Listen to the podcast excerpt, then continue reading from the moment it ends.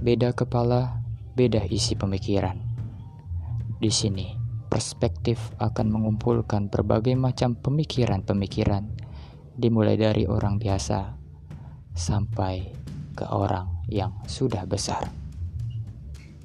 Tetap stay tune.